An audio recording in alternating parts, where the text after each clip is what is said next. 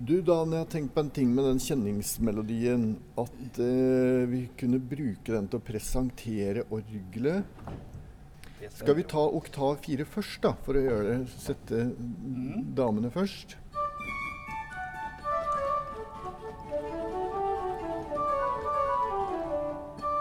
Og så mannen, altså prinsipal åtte, uten, uten damen. Sånn, ja.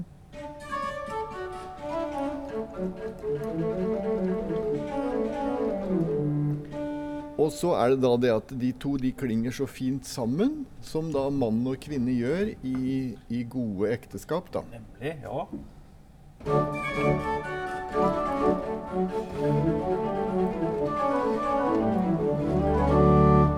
Og da er vi i gang med podkast nummer 25, tror jeg det har blitt.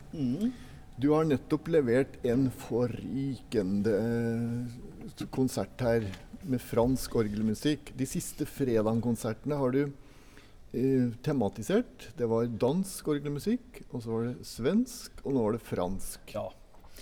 Og kan si at eh, man kan snakke om en egen orgeltradisjon i Danmark og Sverige, er vel ikke så sikkert, men en egen fransk tradisjon finnes jo. Det gjør det absolutt. Og den er litt annerledes enn den norske, men det går fint an å spille fransk musikk på norske orgler for det, selv om det ikke låter helt likt som det gjør i Frankrike. da. Men det er jo så mye snakk om at Gangfløt, når dette orgelet kom i 1964, var opptatt av det franske. Det var han eh, Han var opptatt av fransk og romantisk musikk. Og det, og det, og det orgelet det ble altså da klingende litt sånn eh, Det skjellverket vi har, f.eks., det er veldig fyldig, da. Det er bredt og fyldig. Mange stemmer. Så det, det egner seg egentlig bedre til romantisk musikk enn det en skulle tro, da, ut ifra altså, Danske orgler de er litt sånn klassisistisk tenkt, hovedsakelig til barokkrepertoar osv. Men altså romantisk, eh, romantisk musikk klinger veldig bra her. Men for det at fransk orgeltradisjon, da snakker vi i hvert fall om to. Altså barokken og romantikken. Ja, ja, det er egentlig to forskjellige ting. Fransk barokktradisjon, det går også fint an å spille på dette orgelet. Det tenkte også Gangfløt på da de utforma disposisjonen her.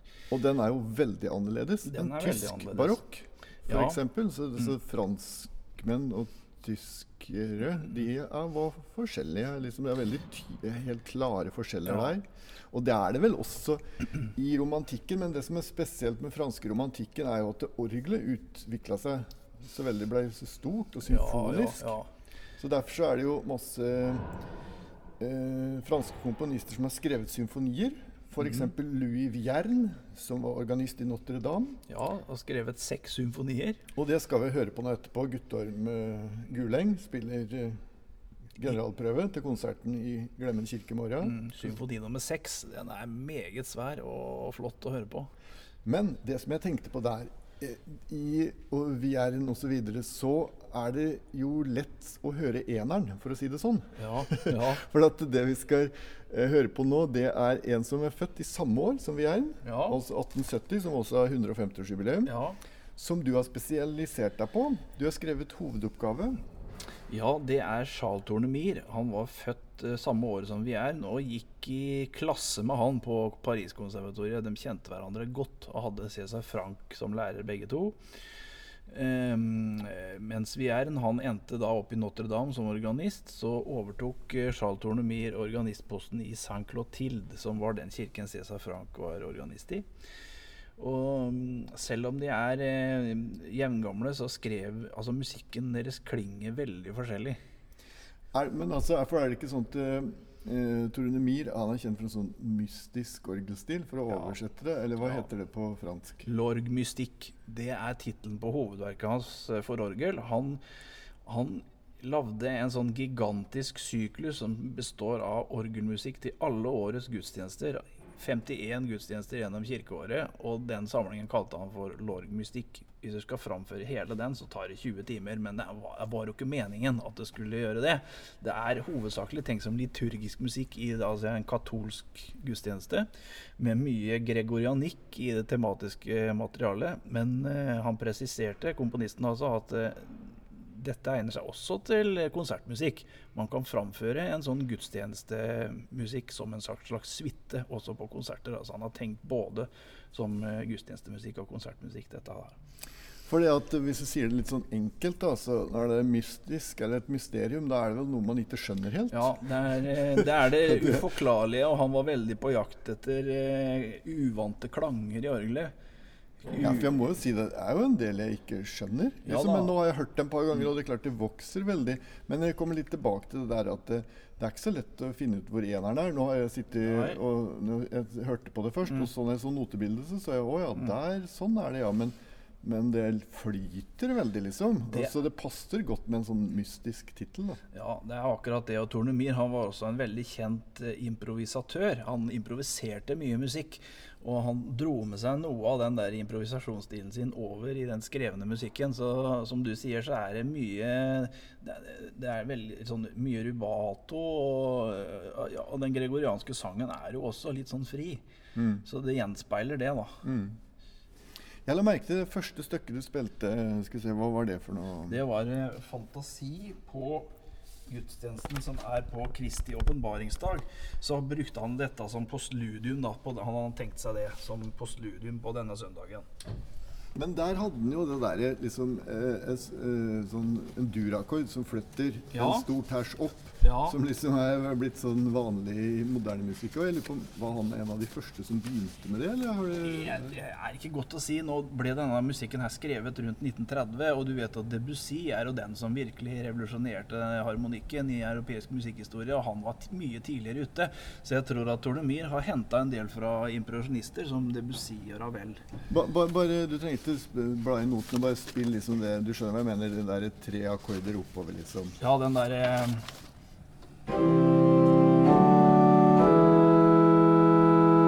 Ja. Og så på slutten så tar han jo helt sånn der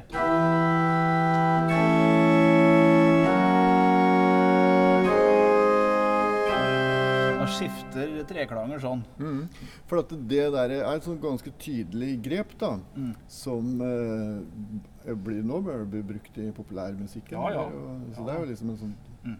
Men det er jo typisk for den franske impresjonisten og, eh, å være fristilt fra den gamle funksjonsharmonikken, som er den tyske funksjonsharmonikken. Veldig bra, Dan. Jeg har tatt opp eh, hele konserten. Oi, har du det, Så jeg tenkte jeg legger ut alt sammen, hvis jeg får lov. Eller du Ja, kan få høre ja, ja, det kan- Men det eh, du spiller jo som vanlig nesten ikke noe feil, så det er jo ikke noe Og veldig bra spilt, da. Tusen takk. Det, det er kraftfullt, da. Jeg har litt grann tinnitus, så jeg måtte sette på meg hørselvern. Ja.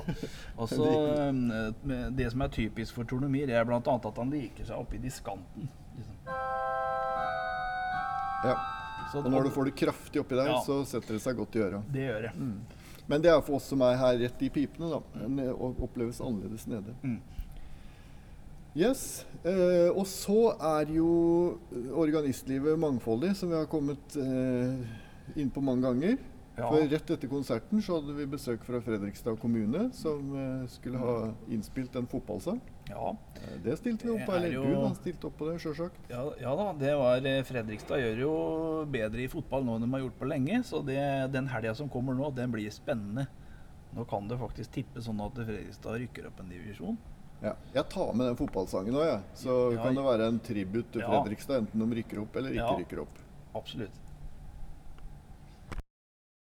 Jeg fikk tak i nota i går, og så ser jeg det at eh, komponisten han heter Oskar Bernstein. Ja. Jeg kjente ikke til han fra før av, men Åshild her eh, har jo vært borti han før. Åshild, du heter det, du? Ja, jeg heter også Bernstein. Ja, du heter Åshild Bernstein Van Noys. Ja. Ja. Og du jobber i kommunen, og Ja. vi har ofte kontakt med deg, bl.a. eh, med Klokkespillet, som jo spiller Hovland-melodier nå hele tiden under eh, Hovlandfestivalen. Hver tredje time. Et sånn spesielt oppsett. Ja. Men nå så er det da eh, den eh, sangen Det var jo litt morsomt. Det er altså en komponist som heter eh, Bernstein. Jeg tenkte på Leonhard Ja, det tenkte jeg på er, du, er du kanskje i slekt med han òg, Åshild? Ja, det drømte jeg om da jeg var ung og hoppa rundt i West Side Story hjemme i stua. Og tenkte kanskje jeg var i slekt med han, men det var Har du jeg ikke. Pretty og så videre? Ja, nei, men jeg var ikke det, da. Ikke med Maria heller. Jeg har ikke noen som heter det i slekta heller. Nei. Nei, Men han, den komponisten til denne sangen, han har du møtt? Ja, jeg var så heldig å få møte han, fordi bestefaren min, som også het Bernstein, da, han eh, flytta til Fredrikstad etter mange år i Oslo. Og så fant han ut at han Oskar Bernstein hadde en tilknytning til Fredrikstad. Og da inviterte han han hit, så vi hadde han på besøk her i Fredrikstad med kona hans Sara. Og da snakka de veldig mye om andre verdenskrig. For det var det de hadde til felles egentlig, men vi var ikke i slekt. Morsomt dette her, da. Ja. Det passer jo bra sånn i vår allsidige musikalske profil, da. Og den derre at orgelet kan brukes i så mange forskjellige stilarter. Mm. Vet, i, I USA så bruker man jo orgel i varehus og på stadion og sånn. Der borte er de jo helt gærne, men, men er det et allsidig instrument, altså. Vi er litt gærne, vi òg. Noen ganger. Nå skal vi høre åssen låter, da. Ja.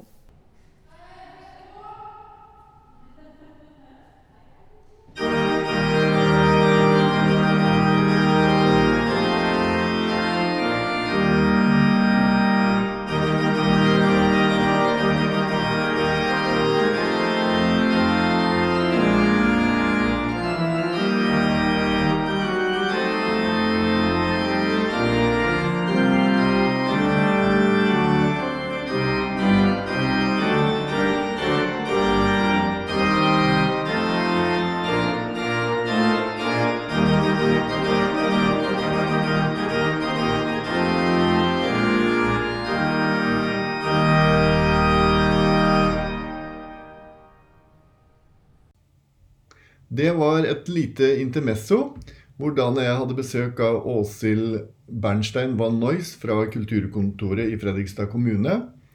Og vi hørte da Dan spille 'Fredrikstad-gutter våre veier' av Oskar Bernstein. Nå skal vi tilbake til Dan sin konsert. Og han starta da med å spille fra Lorg Mystikk, Fantasi, postludium til Kristi åpenbaringsdag av Charles Tournemire.